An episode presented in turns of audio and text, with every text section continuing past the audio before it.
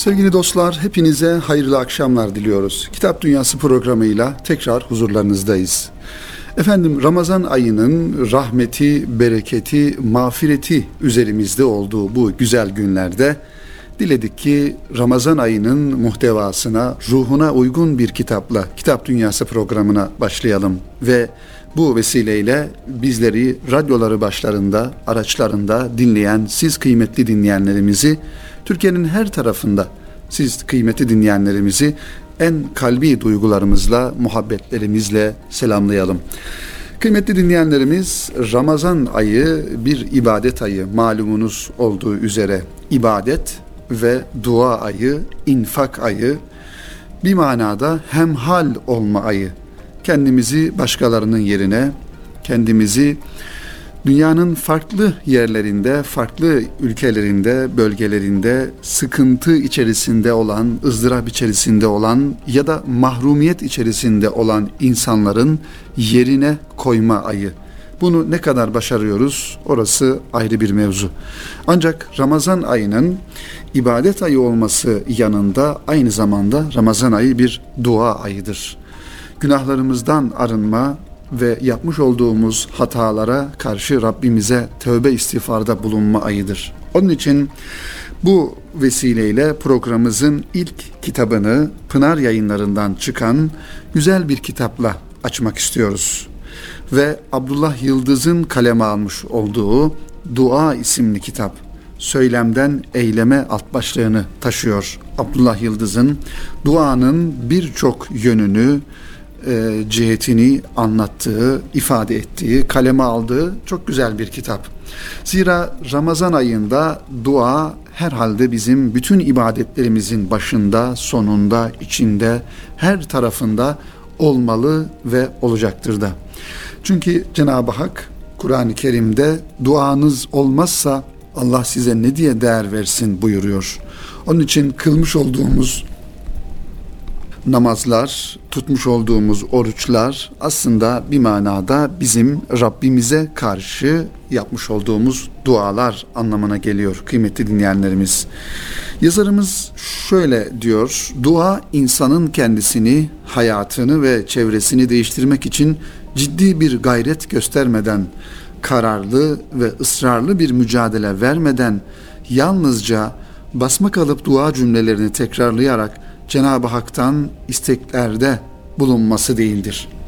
Görev ve sorumluluklarını yerine getirmeyen bir kulun sıkıntılarını Allah'a arz edip her şeyi ona havale etmesi de değildir. Ne ki günümüzde dua üzerine düşen yükümlülüklerin yerine getirme konusunda herhangi bir çaba göstermeyip içinde bulunduğu tembellik, korkaklık meskenet ve acziyetten kurtulmak için bir irade ortaya koymayan ve bu iradesini eyleme dönüştüremeyen insanların başvurduğu sadece dilde kalan bir kolaycılık olarak algılanıyor. İslam'da dua dilden kalbe, kalpten akla, akıldan iradeye, iradeden fiile yani amele yani kısaca söylemden eyleme ya da sözden amele uzanan bir süreçtir. Söz ile özü, düşünce ile iradeyi, dua ile davet ve cihadı, söylem ile güç ve eylemi meczeden fiili duadır.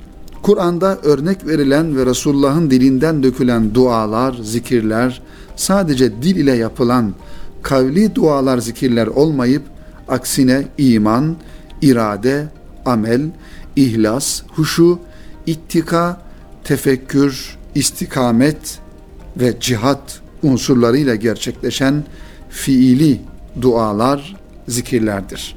Günümüz Müslümanları Kur'an'da tevhid mücadeleleri örnek verilen peygamberler ve son vahyin mübelliği Hazreti Peygamber Efendimiz gibi dua ile daveti yani cihadı, söylem ile eylemi, birleştirmek yani kavli duadan fiili duaya geçmedikçe içinde bulundukları acziyet ve zilletten kurtulmaları mümkün değildir diyor yazarımız Abdullah Yıldız sevgili dostlar bu dua kitabını bizlere takdim ederken. Efendim yayın dünyasında malumunuz olduğu üzere farklı yayın evlerinin özellikle dini yayınlar yapan yayın evlerinin neşretmiş oldukları dua kitapları mevcut. Bu manada hemen hatırlatmak gerekir ki Erkam yayınlarından neşredilen merhum Mahmud Sami Ramazanoğlu Hazretleri'nin Dualar Zikirler kitabı da herhalde bu kitaplar içerisinde en muteber ve en çok okunan kitaplardan bir tanesidir. Onun için bu kitabı da hatırlatmakta fayda var.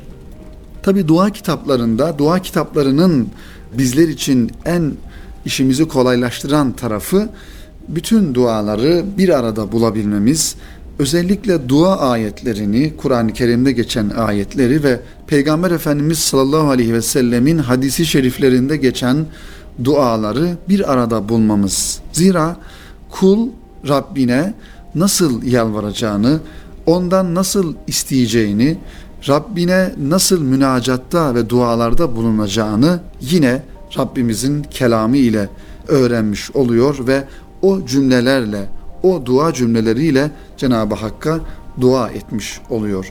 Bu kitapların en güzel tarafı da bu olsa gerek. Tabi az önce de ifade ettiğimiz gibi kıymetli dinleyenler aslında Kur'an-ı Kerim bu sorumuzun ya da bu sorunumuzun cevabını en güzel şekilde verecek muhtevaya sahip bir kitap.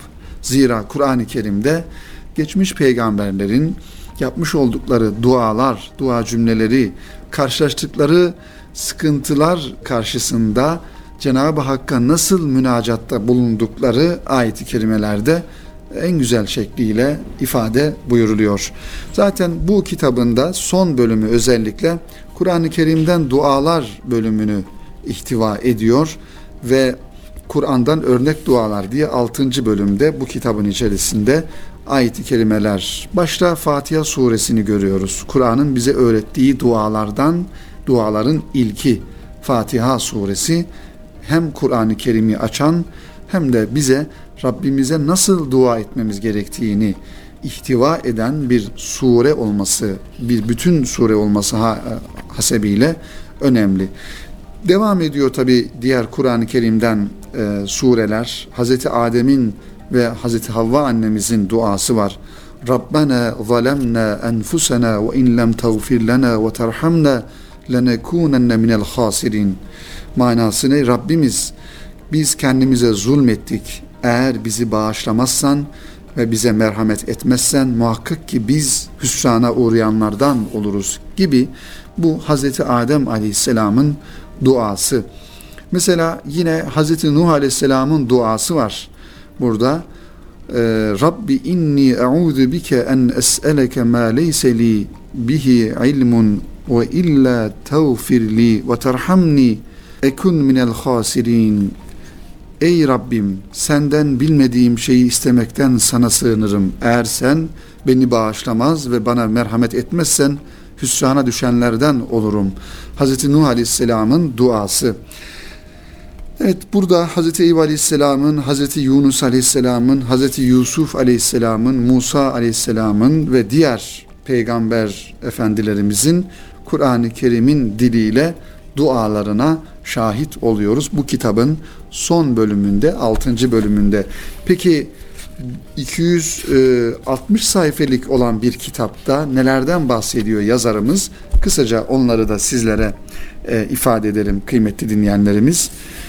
Dua isimli bu kitapta tabii ki Kur'an-ı Kerim'de duanın, dua kavramının hangi anlamlarda geçtiğini, hangi kelimelerle geçtiğini e, burada anlatıyor. Dua nedir başlığı altında ve dua ve davet, dua ve ibadet konuları da yine devam eden konular arasında.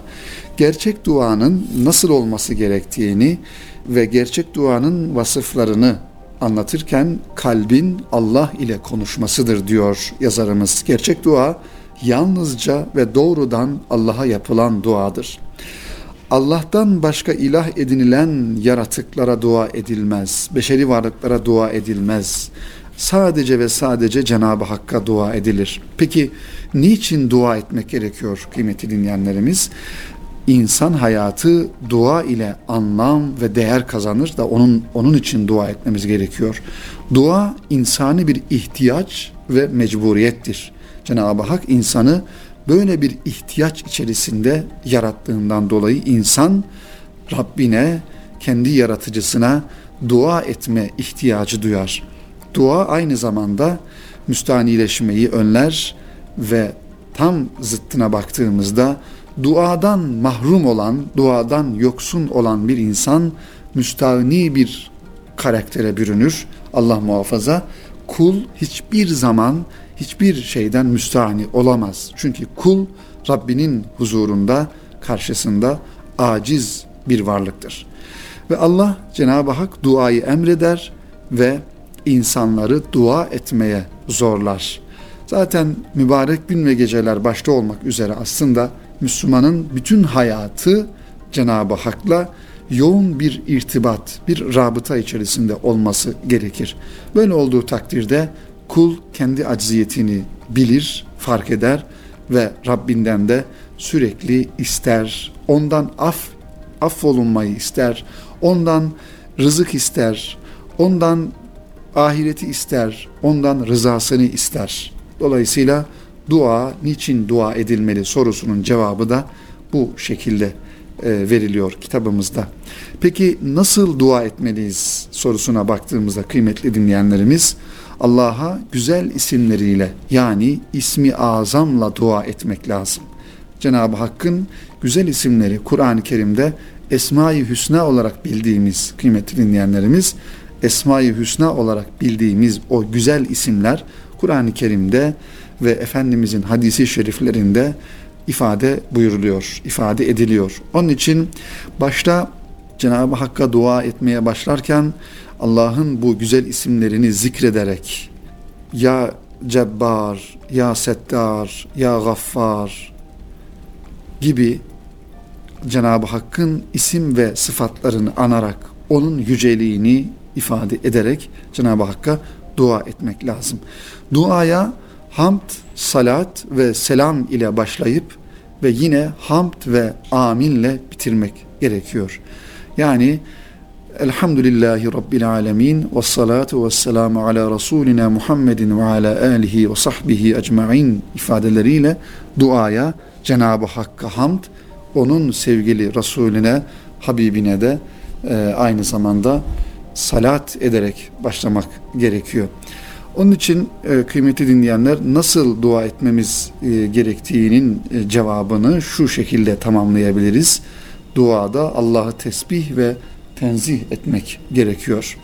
Bir taraftan duada yine özlü ifadeler kullanmak gerekiyor ve duayı en önemlisi kalpten, yürekten ve içten yapmak, samimiyetle ve ihlasla yapmak gerekiyor.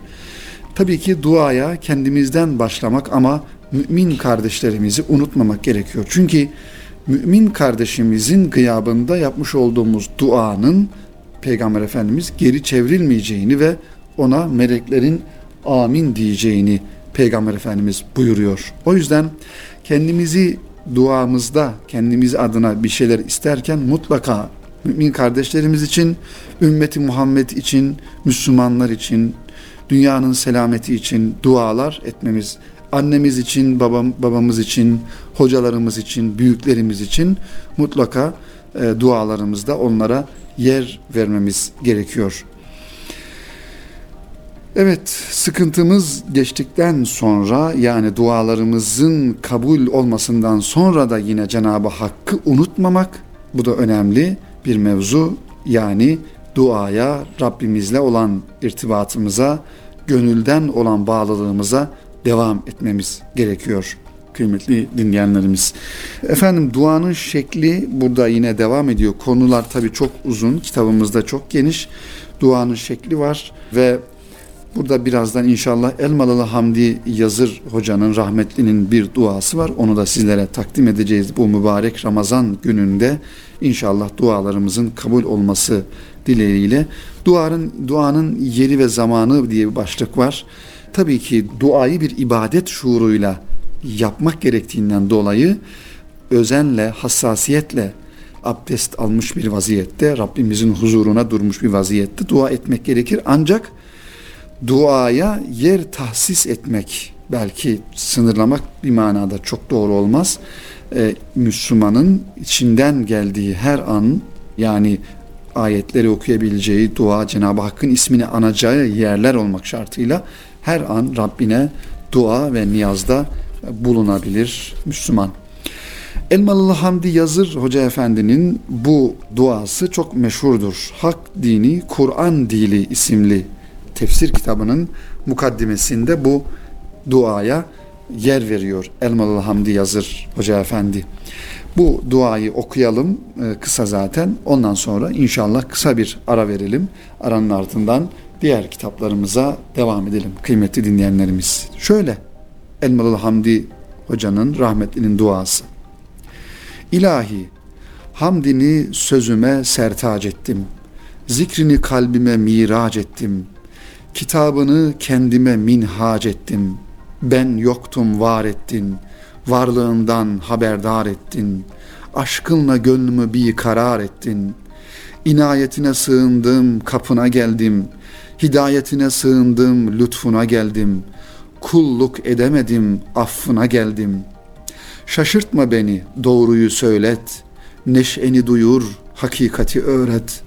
Sen duyurmazsan ben duyamam. Sen söyletmezsen ben söyleyemem. Sen sevdirmezsen ben sevemem. Sevdir bize hep sevdiklerini, yerdir bize hep yerdiklerini, yar et bize erdirdiklerini. Sevdin Habibini kainata sevdirdin. Sevdin de hilati risaleti giydirdin. Makamı İbrahim'den makamı Mahmud'a erdirdin. Serveri asfiya kıldın. Hatemi enbiya kıldın. Muhammed Mustafa kıldın. Salatu selam, tahiyyatu ikram, her türlü ihtiram ona, onun alu eshabı etbaına ya Rabbi diye dua ediyor Elmalılı Hamdi Yazır rahmetli. Biz de bu duaya canı gönülden amin diyoruz efendim. Efendim şimdi Hayat Yayınlarından çıkan Hasan Öztürk Bey'in kaleme aldığı güzel bir kitap. Biraz siyasi, biraz e, gündeme dair ve belki de içinde bulunmuş olduğumuz bu zaman diliminde hem içeriden hem dışarıdan ihanet odaklarının var güçleriyle Türkiye aleyhine çalıştıkları bir dönemde e, herhalde okunması gereken kitaplardan bir tanesi. Biraz da fotoğrafı büyük bir vaziyette görebilmek ve meseleleri, konuları anlayabilmek için.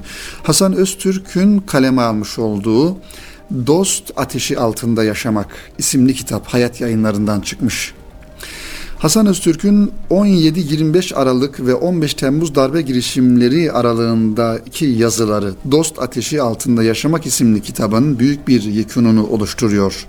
İç savaş hali kuran, hayali kuranların nasıl hüsrana uğradıklarını bu yazılar sayesinde geriye gidip gün gün görme imkanı buluyoruz. Deneyimli gazeteci Hasan Öztürk, Dost Ateşi Altında Yaşamak isimli kitabında Türkiye'nin geride bıraktığı ihanet ve diriliş arasında yaşanan zorlu 5 yılını mercek altına alıyor. Öztürk'ün yazdıklarının samimi bir tanıklık olarak görmek, değerlendirmek lazım. Hayat yayınları etiketiyle yayınlanan kitabın hacmi epey geniş, muhtevası da öyle. Şöyle bir bakmak baktığımızda ilk yazı 4 Kasım 2015 tarihini taşıyor. Ömer Muhtar'ın gözlüğü bugün kimin elinde? Yazar bu soruya isteseler de istemeseler de özgürleşeceğiz diyen kimdi? Bütün uluslararası kumpaslara yani işbirlikçilerin pusularına direnip asla geri adım atmayacağız diyen kimdi sorularını ekliyor. Bu soruların cevabına bir tek ismin tekabül ettiğini söylüyor. Tabii ki Recep Tayyip Erdoğan. Ömer Muhtar'ın gözlüğünün bugün kimin elinde olduğunu da bu açıklıkla ifade etmiş oluyor. Bu ülkenin son 100 yılı sorgular ve sancılarla geçmiştir şüphesiz ama son 5 yıl 100 yıla bedeldir. Çünkü devlet olarak, millet olarak son 5 yıl içinde atlattığımız badireler, ödediğimiz bedeller, sürdürdüğümüz beka mücadelesi benzeri görülmemiş bir direniş.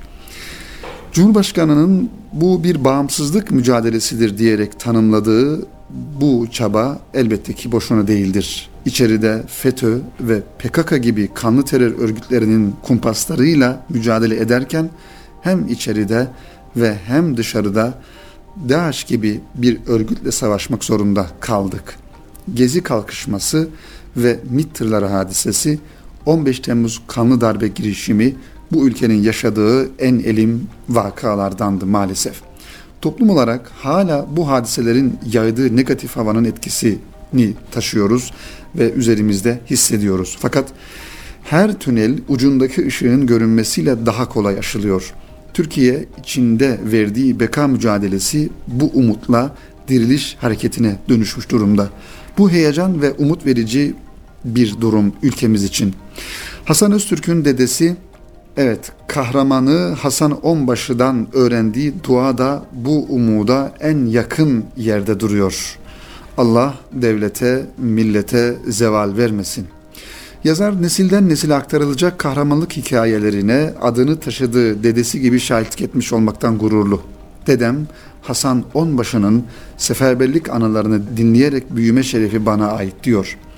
Ve onu hep rahmetle anarken zaman zaman da anılarını yazmaya çalıştım ki gelecek nesiller de bilsin o günlerde ne yaşandı, nasıl bir kahramanlık destanı yazıldı diye de ekliyor yazarımız.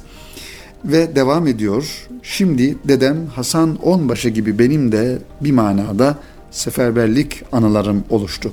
15 Temmuz 2016 darbe teşebbüsü gecesi bu büyük milletin yazdığı destanı nesilden nesile anlatacak hikayelerimiz var. Her bir tekil şahsımızın yaşadığı birer kahramanlık hikayesidir. Şehitlerimizin asfalta bir duvar dibine düştüğü anda oradan yeşerecek olanı bilerek anlatmalıyız.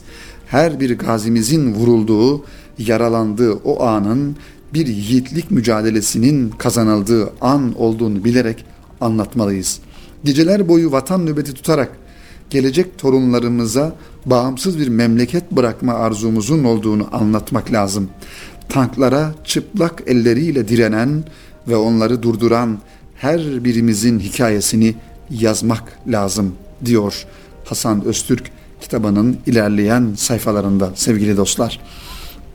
Yazarın 17-25 Aralık ve 15 Temmuz darbe girişimleri aralığındaki yazıları kitabın büyük bir bölümünü oluşturuyor. İç savaş hayali kuranların nasıl hüsrana uğradıklarını bu yazılar sayesinde geriye gidip gün gün görme imkanını buluyoruz. Yazar Allah var, vatan var, millet var, ne gam diyerek teskin ediyor okurunu bu bölümde. Dışarıdakiler ve onların içimizdeki aparatları 15 Temmuz'u unutturmak, FETÖ'cülerin ihanetlerini görmezden gelmek için hala harıl harıl çalışıyor. Onlar 15 Temmuz direnişini unutturmak istese de onlar hala Türkiye'yi ilk fırsatta diz çöktü, çökertmek istese de biz ne 15 Temmuz ihanetini ne bu milletin o geceki büyük direnişini unutmayacağız. Unutmayacağız, unutturmayacağız. Allah var ne gam diyor. Kitabın Orta Doğu sorununa ayrılmış olan bölümü ayrıca dikkatimizi çekiyor. Kudüs, Hicran başlıklı yazı. Bir sınır dışı ediliş hikayesi. Hiçbir gerekçe olmaksızın Öztürk'ün Kudüs'ü ah ünlemi olmaksızın anmadığı belli. Ömer'in, Selahaddin'in, Abdülhamit'in Kudüs'ünü ah çekerek hatırlamak başlıklı yazısı bunu açığa vuran naif, değerli bir iç, iç çekiş. Mescidi Aksa kimin meselesidir? Mescidi Aksa ne sadece Türkiye'lilerin ne sadece Filistinlilerin meselesi değildir. Aslında sadece sadece Müslümanların da meselesi değildir. İsrail'in uzun vadeli planlarındaki taktik ve stratejik hamlelerinin karşısında mutlaka ortak bir akıla ihtiyaç vardır. Ve maalesef o akıl bugün için ne bizde ne de bir başkasında yok. Çünkü biz sadece coğrafyası parçalanmış bir ümmet değiliz. Aynı zamanda zihinleri de parçalanmış bir ümmet haline geldik maalesef. Evet efendim bu kitap bu şekilde Dost Ateşi Altında Yaşamak isimli Hasan Öztürk'ün Hayat yayınlarından çıkan bu kitabını sizlere takdim e, etmeye çalıştık. Bir diğer taraftan biraz daha farklı bir kitabı e, sizlere takdim etmek istiyorum. Önemli bir kitap. Hem konunun devamı, mevzunun devamı olması açısından biraz daha bilimsel hazırlanmış bir kitap. Hüseyin Alptekin imzasını taşıyor ve SETA yayınlarından çıkmış. Etnik terör ve terörle mücadele stratejileri ismini taşıyor. Hüseyin Alptekin'in etnik ayrılıkçı terörü sistemli veriler ve bulgularla mukayeseli bir şekilde ele aldığı kitap akademik bir eksikliği kapatmanın yanı sıra Türkiye'nin terörle mücadelesine de katkı sunacak önemli bir eser. Baktığımızda kıymetli dinleyenlerimiz Hüseyin Alptekin'in Etnik Terör ve Terörle Mücadele Stratejileri adlı kitabı PKK terörünü ve buna karşı uygulanan mücadele yöntemlerini etnik ayrılıkçı teröre maruz kalan başka örneklerle karşılaştırmalı olarak inceliyor. Kitapta bu karşılaştırma kapsamında PKK ile beraber ETA, İRA gibi örgütler de ele alınıyor. Alttaki'nin temel argümanı etnik bir terör örgütünü ortadan kaldıracak en işlevsel stratejinin örgütü hem çeşitli ağlarla dahil olduğu uluslararası zeminde hem de hükmetmeye çalıştığı etnik tabanı içinde izole etmeyi öngören yalnızlaştırma yöntemidir.